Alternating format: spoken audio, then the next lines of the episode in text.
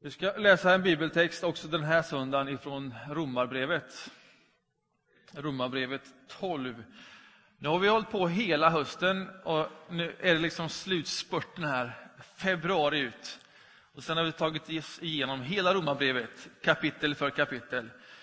Eh, jag tycker det har varit jättespännande och är spännande. Eh, Om man tvingas in i sammanhang som Paulus skriver som inte är helt intuitiva. Och Det kräver ett, ett visst jobb och man undrar vad i hela världen menar den här. Men idag läser vi ett kapitel som är alltigenom intuitivt och det känns lite skönt. Romarbrevet kapitel 12. Därför ber jag er bröder, vid Guds barmhärtighet, att frambära er själva som ett levande och heligt offer som behagar Gud. Det ska vara er andliga gudstjänst. Anpassa er inte efter denna världen, utan låt er förvandlas genom förnyelsen av era tankar, så att ni kan avgöra vad som är Guds vilja, det som är gott, behagar honom och är fullkomligt. I kraft av den nåd jag har fått säger jag till var och en av er, ha inte för höga tankar om er själva utan tänk som man bör tänka, med självbesinning, så att var och en rättar sig efter det mått av tro som Gud har tilldelat honom. Ty liksom vi har en enda kropp, men många lemmar, alla med olika uppgifter, så utgör vi, fast många, en enda kropp i Kristus. Men var för sig är vi lemmar som är till för varandra. Vi har olika gåvor, allt efter den nåd vi har fått profetisk gåva i förhållande till vår tro, tjänandets gåva hos dem som tjänar, undervisningens gåva hos den som undervisar, tröstens gåva hos dem som tröstar och förmanar, gåvan att frikostigt dela med sig, att vara nitisk som ledare och att med ett glatt hjärta visa barmhärtighet. Er kärlek ska vara uppriktig, avsky det onda, Håll fast vid det goda. Visa varandra tillgivenhet och broderlig kärlek. Överträffa varandra i ömsesidig aktning. Slappna inte i er iver. Håll er brinnande i anden. Tjäna Herren. Gläd er i hoppet, var uthålliga i lidandet och ihärdiga i bönen. Hjälp Guds heliga med vad de behöver. Vinnlägg er om gästfrihet. Välsigna dem som förföljer er. Välsigna dem och förbanna dem inte. Gläd er med dem som gläder sig och gråt med dem som gråter. Bemöt alla lika och håll er inte för goda att umgås med dem som är ringa. Var inte självkloka. Löna inte ont med ont. Tänk på vad som är riktigt för alla människor. Håll fred med alla människor så långt det är möjligt och kommer an på er. Ta inte rätten i egna händer, utan, mina kära, utan låt Guds vrede ha sin gång. Ty det står skrivet, min är hämnden, jag ska utkräva den, säger Herren.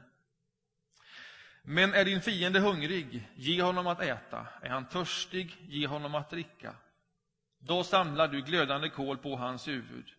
Låt dig inte besegras av det onda, utan besegra det onda med det goda. Amen.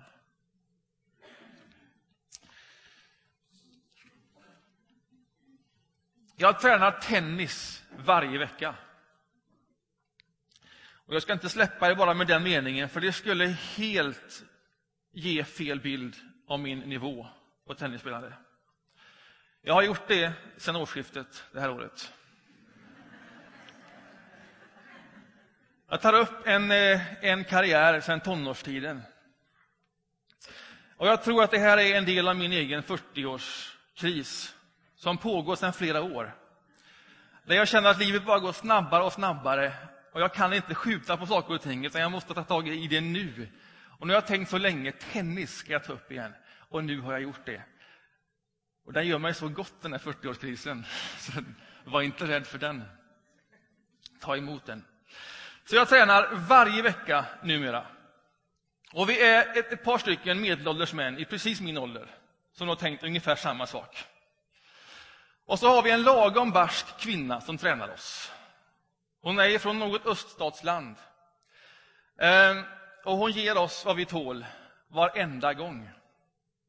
Och sen jobbar hon med oss, hur vi håller det här racket, vilken vinkel det är på det, hur svingen ser ut. Hela den grejen. va? Och så har vi ju alla olika saker att jobba med. Och så tummer vi alla bollar. Och sen samlas vi i nätet. Och så får vi våran dom. Och hon säger till mig varje gång så här. Det är bra Joakim. Det ser väldigt bra ut. Du har en väldigt bra sving. Du har det i kroppen. Bra vinkel. Och sånt gillar man ju att höra, eller hur? Och sen när han sagt allt det, denna barska kvinna, då vet man att det kommer någonting annat. Eller hur? Och då säger hon till mig så här, nu är det bara en sak till vi ska jobba på. Och det är träffa i mitten på racket. Det kallas för the sweet spot. Där. Det gör sån skillnad om man träffar precis mitt i sweet spot. Eller om man rör sig runt om i kanten här hela tiden. Så tänk på det, säger de. Träffa också i mitten på racket. The sweet spot. Och jag vet ju det, att varje gång man gör det så blir det något helt annat än när man träffar omkring här ute. Det funkar det med. För de här moderna rackerna, de är gjorda för sådana som mig, som behöver mycket förlåtelse. Så det funkar liksom nästan överallt man träffar racket. Men när man träffar bollen precis mitt i sweet spot, då händer någonting som inte händer här ute. Då får du kraft i slaget, du får spinn i bollen, du får en tyngd och det känns rätt i hela kroppen. Och racket är skapt för att få bollen precis där, inte där. Och så har hon en tes. Hon som själv är skolad med trärack. Hon säger alla unga människor idag som börjar med tennis, som börjar med såna här förlåtande racketar, de borde alla börja med trärack, säger hon. Så att man lärde sig spela tennis i sin sweet spot. Och sen kan man ta vilket rack som helst. Jag är väldigt glad för mitt rack. Jag tror, när jag läser Paulus, så skriver han om att varje människa har en sweet spot att spela i. Och att Gud vill för varje människa att man ska vara där i sin sweet spot. Det funkar bra på många olika sätt. Men om man kan få vara precis där i sin sweet spot, så är det som om hela mitt liv och min kropp och mitt uttryck är skapt för de uttrycken. Jag är där i mitt esse. Kan man få tro så om ett liv? Kan man få tro så mycket om Gud? Att det är så Gud önskar för varje människa. Att det är en så god Gud som skulle vilja se oss alla precis där i vår sweet spot. När jag läser den här texten så tänker jag att det är precis detta det handlar om. Och jag ska förklara hur jag tänker och hur jag ser också den här texten genom tennis. Den börjar med ett därför. Och ett därför betyder att det kommer från någonstans. Nu har han laddat i det här brevet. Han har talat om hur god Gud är, hur mycket Gud älskar och hur Gud räddar och frälsar varje människa som tar emot Jesus Kristus i tro. Det är ju hans case. Evangeliet för alla människors bästa. Och när han har sagt detta nu, i elva kapitel, så säger han därför, vid Guds barmhärtighet, alltså vid Guds godhet, att han räddar varje människa, att han gör det möjligt för alla människor. Därför, vid Guds barmhärtighet, om du tagit emot denna gåva, vid Guds barmhärtighet, så gensvara på det. Lev ett liv som blir som en gudstjänst inför Gud. Alltså, du har varit med om någonting. Du har kunnat få vara med om någonting. Du har tagit emot det i tro. All denna Guds kärlek och trohet som nu nått ditt liv, om du vill, genom Jesus Kristus i tro. Det är Guds barmhärtighet. Om du har tagit emot det, lev i det. Ge ett gensvar. Och hur gensvarar man på det? Ja, man lever sitt liv som om det vore en gudstjänst inför Gud. En gudstjänst som vi firar med våra kroppar. Alltså med allt det vi gör, det vi tänker, med det som är våra liv. Att vi lever så att det blir en lovsång till Gud. Att vi lever som om det vore en tillbedjan. Att vi lever så att det skapar glädje inför Gud. Och vad är det som skapar glädje inför Gud? Jag tänker mig, om du och jag och vi blir de vi är tänkta att vara. De Gud har ämnat oss att vara så skapar det glädje för Gud. Därför att nu är vi åtminstone nära den sweet spot som Gud sedan början har tänkt för varje människa. Du stiger in i det som Gud redan har tänkt för dig. Som Paulus tidigare har sagt, att du låter dig formas efter hans sons bild. Stig in i det Gud har tänkt för dig. Bli den du redan är. Låt dig formas efter hans sons bild. Och att du lever och tjänar där, i din sweet spot. Det är som att fira gudstjänst inför Gud. Det är som att leva ett liv i tillbedjan. För detta var du ämnad. För detta har Gud räddat dig. Och då är bara frågan, hur ska det ske? Och då finns det några ord som sticker ut i inledningen. Paulus han säger så här, de här fyra orden. Förvandlas, förnyelse, tankar, avgör. Några korta ord om de orden.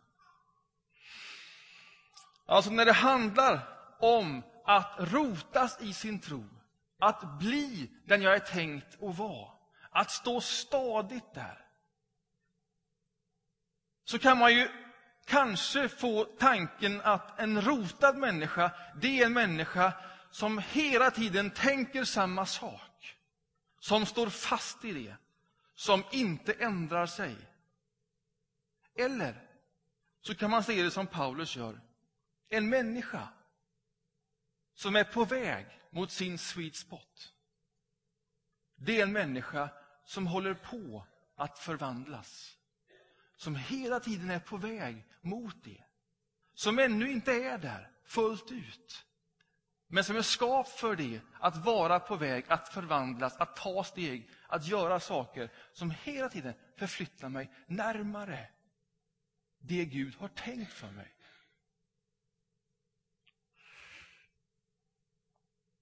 Det är inte statiskt. Du är hela tiden på väg. Det är så Gud har tänkt för dig och för mig.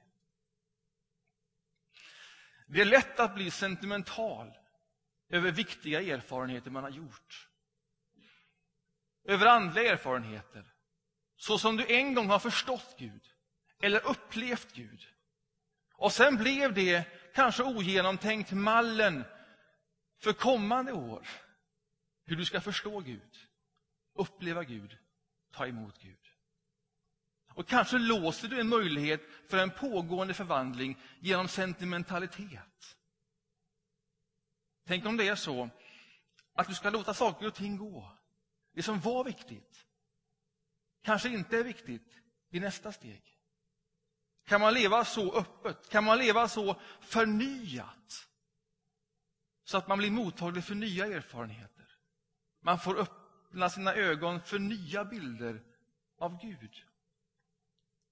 Kanske kunde Gud vara större, till och med större, än det jag hittills har upplevt.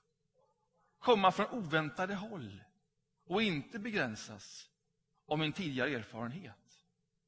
Det är lätt att bli sentimental över viktiga erfarenheter man har gjort.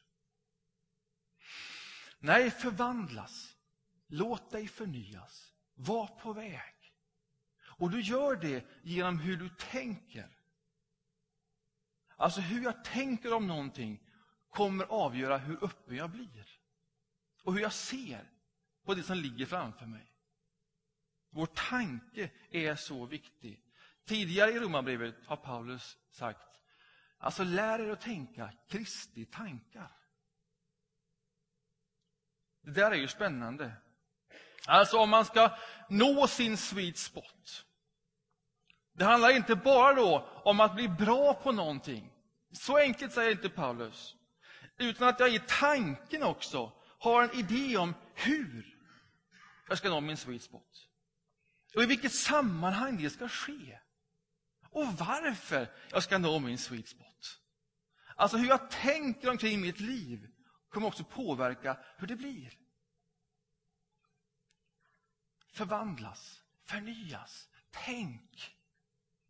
Och när du gör det så kan du också avgöra vad som är Guds vilja. Och det där avgörandet, det är lite viktigt.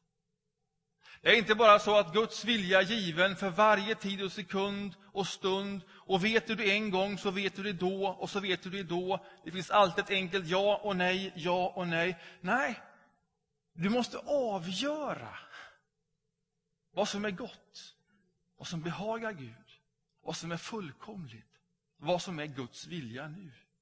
Och du gör det genom att du hela tiden är på väg.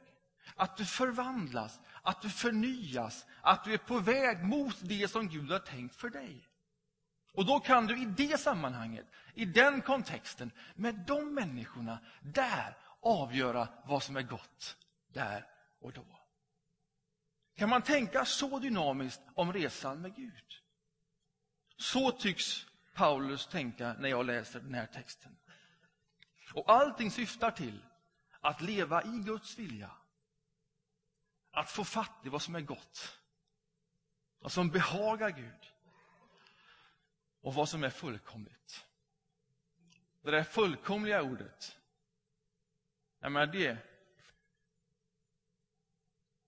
det kan ju ta död på många av oss. Vem når dit? Ja, kanske betyder det inte fullkomligt att rensa ut all brist ur mitt liv och ur vårt sammanhang. Det är inte möjligt. Det är ett omöjligt projekt. Kanske betyder det fullkomligt snarare att älska och tjäna som Gud älskar och tjänar. Och då är det viktigaste uttrycket förlåtelse och nåd. Det är ju så Gud fullkomnar. Nu är det fullbordat. Och när han säger det, då hänger han på ett kors. Förlåtelse och nåd. Kan det vara de centrala uttrycken för fullkomlighet?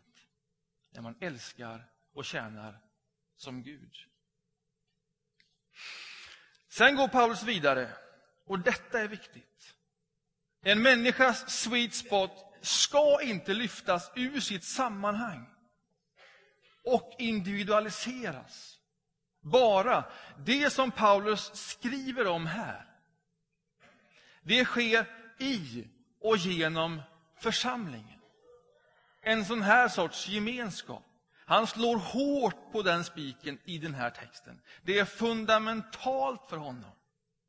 Församlingens plats i Guds tanke med hela den här skapelsen är helt fundamental. Trons liv är inte ett ensamt liv. Trons liv är alltid ett liv i gemenskap. Det är där vi lever. Det är där vi hittar vår sweet spot. Och vi lever i den, inte för vår egen skull primärt, utan för andras skull. Detta är viktigt. Och för att gemenskapen ska återspegla evangeliet, för att gemenskapen ska vara en gudstjänst inför Gud, så vad vill till då? Jo, då vill det till en sansad uppfattning om sig själv. Att man inte tror för mycket om sig själv. Alltså, hur går det här ihop? Att leva fullt ut i sin sweet spot och ändå inte tro för mycket om sig själv. Men de två sakerna balanserar Paulus mycket skickligt i den här texten. För honom handlar det om hedningarna och judarna, alltså som har olika ingång och olika utgångspunkt och olika självbild. Och de tycker att den andra är viktigare och har förstått mer än andra. Och så säger han, alltså om den här gemenskapen ska återspegla det Gud har gjort för er. Om detta ska vara er andliga gudstjänst, då kan ni inte bråka om sånt. Då krävs det en sansad självbild. Och att det jag har fått och min sweet spot är till för andra människor. Var och en ska rätta sig efter det mått av tro som Gud har tilldelat honom. Det där är också ett lite lurigt uttryck. Har vi fått olika tro, olika mått av tro, Ska vi börja jämföra oss, hur mycket tro vi har fått och blivit tilldelade? Och att utifrån det leva i vår sweet spot. Ja, det vore så otroligt olikt Paulus. Han går tvärs emot de tankarna. Både i det här brevet och i andra brev. Jämföra oss för aldrig till någonting gott. Aldrig, aldrig till någonting gott. Tro här är snarare ett uttryck för evangeliets kärna. Och det står för den trohet som Gud visar sitt folk och genom hela historien har visat sitt folk. Det har ju Paulus argumenterat för genom hela brevet. Tron kommer från att Gud hela tiden är trogen sitt folk, oavsett vad de gör. Och att själv få tro tilldelat sig, det är att gensvara på denna Guds fullständiga trohet till mitt liv. Den tron, det måttet av tro, har vi alla tilldelats. Och det är det som är vår utgångspunkt. Det är det som driver oss framåt. Vi hör ihop genom samma mått av tro. Och trons gemenskap är Kristi kropp. Tron för oss samman. Därför skapar evangeliet, när vi gensvarar på det, när vi firar det som en gudstjänst inför Gud, ett folk som inte känns igen på människors etnicitet eller sociala status. Utan på att vi tillsammans söker Guds vilja. Med våra kroppar, med våra liv, med allt det vi har fått, så att vi behagar Gud. Det är så vi utgör en enda kropp i Kristus. Så oerhört stora ord om den här sortens gemenskap. Om vi är en enda kropp i Kristus vad kan man då säga om var och en av oss? Hur är vi en enda kropp i Kristus? Hur går det till? Och Jag har redan sagt det, jag säger det igen för en femte gång. Det går till så att vi lever i vår sweet spot. Och att vi är till för varandra. Att vi är utrustade med varandra. Det är så vi blir en enda kropp i Kristus. Alltså det bästa motgiftet för självupptagenhet. Och självupptagenhet är alltid det som hotar en enda kropp. Det bästa motmedlet för självupptagenhet, det är att koncentrera sig på den andra. Det är alltid så.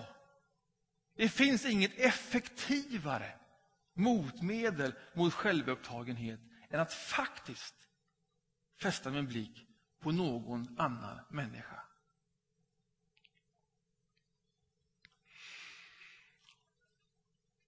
Och hur gör vi det här? Ja, nu börjar det bli spännande.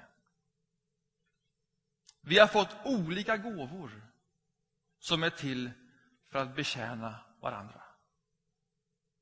Och så räknar Paulus upp sju olika gåvor. Och det här ska man nog inte se som en absolut lista, de här gåvorna finns, utan mer som områden. Det här är områden, exempel på vilken sorts gåvor Gud ger. Och vilken sorts sweet spot man kan leva i. Och hur man kan betjäna församlingen. Hur vi kan vara till för varandra, utrustade med varandra. Och på det sättet vara en enda kropp i Kristus.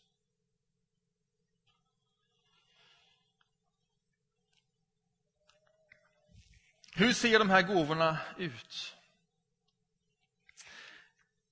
I helgen som gick, jag var ledig och vi var iväg i Oslo och jag var där och mötte ett sammanhang och en församling. Och sedan inbjudan så fick jag bara en notis. Du skulle kunna bo på det här stället. Det är en församlingsmedlem till oss som upplåter detta. Och jag sa, ja visst, vi, vi bor där, vi bor var som helst. Jag skulle åka till Oslo och det här stället det var bara ett par mil innan Oslo. Jag tog med mig Johanna och så åkte vi dit. Och så åkte vi ner i det här lilla stället som heter Dröback, som ligger ett par mil före Oslo. Fantastiskt ställe. Åk dit om ni inte har varit där. Så vackert, gammalt, alldeles precis vid vattnet. Vi hade fått en adress. Och sen gick vi in i det här lilla huset. Det var en sorts inredningsbutik i bottenvåningen. Och där fick vi nyckeln och så fick vi hjälp på övervåningen och så kliver vi in i det här rummet som är en svit. Helt fantastiskt inredd svit. Makalöst. Sånt som man bara ser på bilder. Och så går man in där i. Och så står det ett kort på bordet och så står det en lång text. Där de säger välkommen kära Joakim och Johanna. Och så står det en text hur de önskar att de här två nätterna i det här sammanhanget skulle förse oss med frid och fred. Att vi skulle få liksom komma igen i livet i den här miljön och få energi av detta. Och så låg det i skålen där vindruvor och ett par stycken chokladhjärtan på dem. Och i kylen var det frukost liksom framdukat. Och det var ett fantastiskt mottagande. Och man tänker, det här är ju helt makalöst. Här ska vi bo. Och så bor vi där en natt. Och sen på kvällen andra dagen så är vi bjudna till middag hem till den här familjen och några till i ett hus inte långt därifrån. Och det var en sån där middag där man känner att måtte den aldrig ta slut. Dels för att det var så gott och dels för att det var så trevligt. Och dels för att man kände sig så välkommen in i det hemmet. Och så hör jag där berättelsen om hur de tänker om det här lilla stället. Hon var inredningsarkitekt i Oslo. Och de var en gästfri familj. Det här kortet var undertecknat med alla familjens namnteckningar. Det här var deras grej. Och de hade liksom levt så här, bjudit hem människor och sen hade de åkt iväg på ett kristet läger. OM eller UMU. Och så hade det kommit fram någon till den här inredningsarkitekten och haft en hälsning från Gud. Och sagt, du jag känner inte dig men jag undrar om inte du har en gåva ifrån Gud. En gästfrihetsgåva. Att frikostigt dela med sig. Och den sortens ord låter inte mycket på ytan. Men för dem när de fick ord på det som var deras sweet spot, så föll det ner och la alla delar på plats. Tänk om det är detta Gud har tänkt för oss. Tänk om detta är vår sweet spot. Gästfrihet. Och det blev så stort för de här. Att de tänker, vi tar ett gigantiskt steg i tro och köper ett litet hus nere i Dröback. Har en liten filial med inredning och sen inreder vi ett fantastiskt ställe. För det är vad vi kan. Och sen hyr vi ut det på sommaren. Så att det möjligen, möjligen går runt, men det är väldigt osäkert. Och resten av året så bara upplåter vi det till människor som vi tror behöver komma iväg en natt. Och så omsluter vi det av kärlek och gästfrihet. Ett jättesteg i tro. som förmodligen inte hade skett om någon inte hade sett deras liv och satt ord på deras gåva. Tänk vad viktigt det är att inte bara känna diffust, utan att faktiskt kunna tala om, detta är min gåva.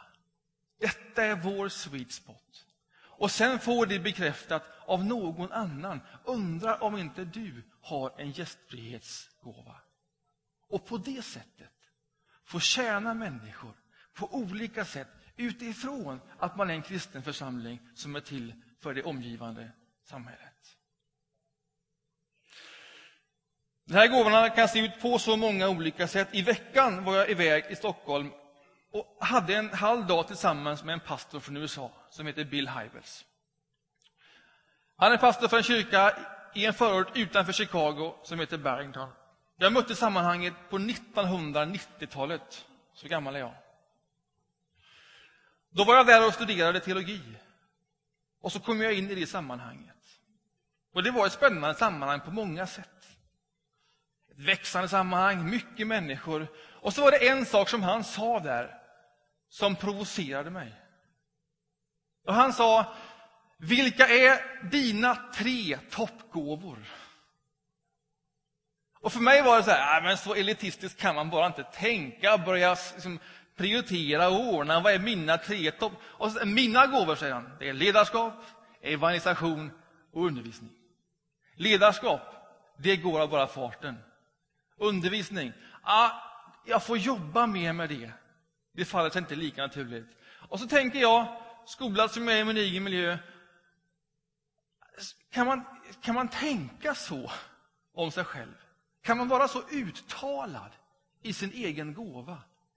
Och vad skulle det i så fall tillföra?